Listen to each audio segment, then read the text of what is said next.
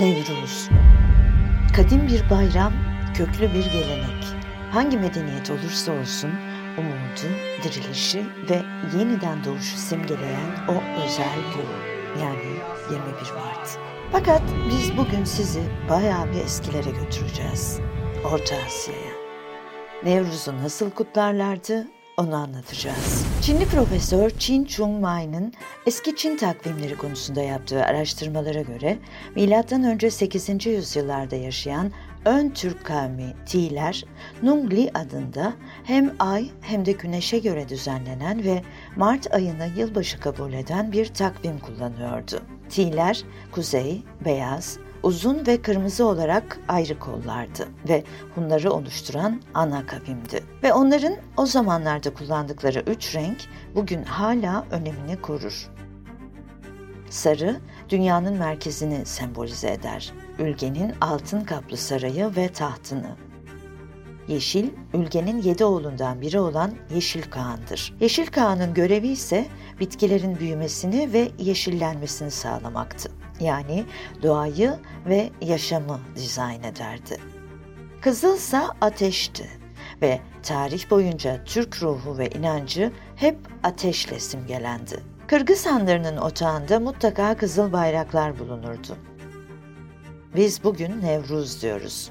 Aslında Farsça bir kelime. Nev yeni, Ruz gün demek. Ama tek isim bu değil elbette. Mesela Altay Türkleri Çılgayak Bayramı der. Azerbaycan Türkleri Bozkurt Bayramı. Başkurt Türkleri Ekin Bayramı. Gagavuzlar ilk yaz. Hakas Türkleri Ulukün. Karaçay Türkleri Sabantoy. Uygur Türkleri Yeni Gün. Karakalpaklarsa Ergenekon Bayramı olarak kutlar. Ve tarih hep aynıdır. 21 Mart yani bahar ekinoksu. Ömer Hayyam'ın Celali takviminde de 21 Mart yılbaşıdır yani başlangıçtır. Peki bu kadim ritüeller nasıl başlar? Bayram temizliğiyle elbet. Evler badana yapılır, halılar, kilimler yıkanır, yeni bayramlık giysiler alınır ve akrabalara da hediyeler. Ve bayramdan birkaç gün önce tatlılar yapılmaya başlanır ki Nevruz ateşi için çalı çırpı toplamaksa ayrı bir keyiftir. Pek bilinmez belki ama Hun İmparatorluğundan beri kır gezileri de bu ritüelin bir parçası.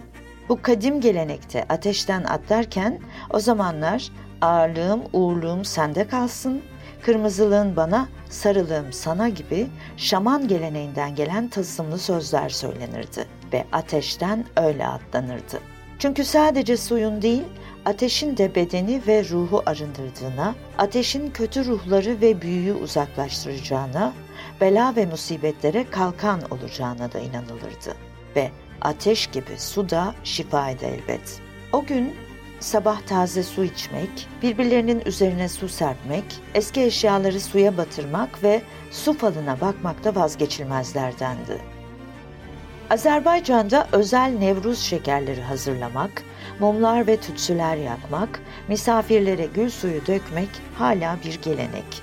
Kazakistan'da Nevruz Bayramı 1930 yılında Sovyetler Birliği yasaklayıncaya kadar ulusun ulu künüydü ve 1929 yılına kadar da 21 Mart'ı yılbaşı olarak kutladılar.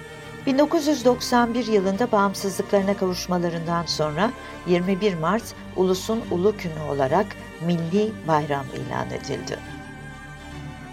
Özbekistan'da ise 21 Mart'ta özel mesire yerleri hazırlanır, vadilerde dev ateşler yakılırdı.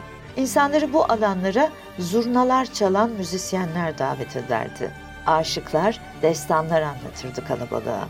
Törenler bir hafta sürer ve toplu ziyafetler verilirdi.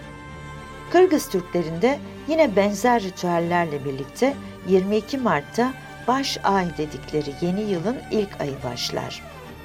Yine Selçuklularda da şenlikler yapıldı, eğlenceler düzenlendi ve ziyafetler verildi.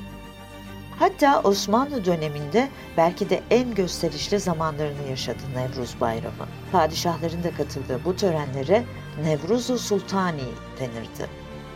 Biliyorsunuz Osmanlı ailesi Kayı boyu mensubu. Aynı boydan gelen Karakeçililer de 21 Mart tarihinde Ertuğrul Gazi'nin türbesi etrafında toplanırdı.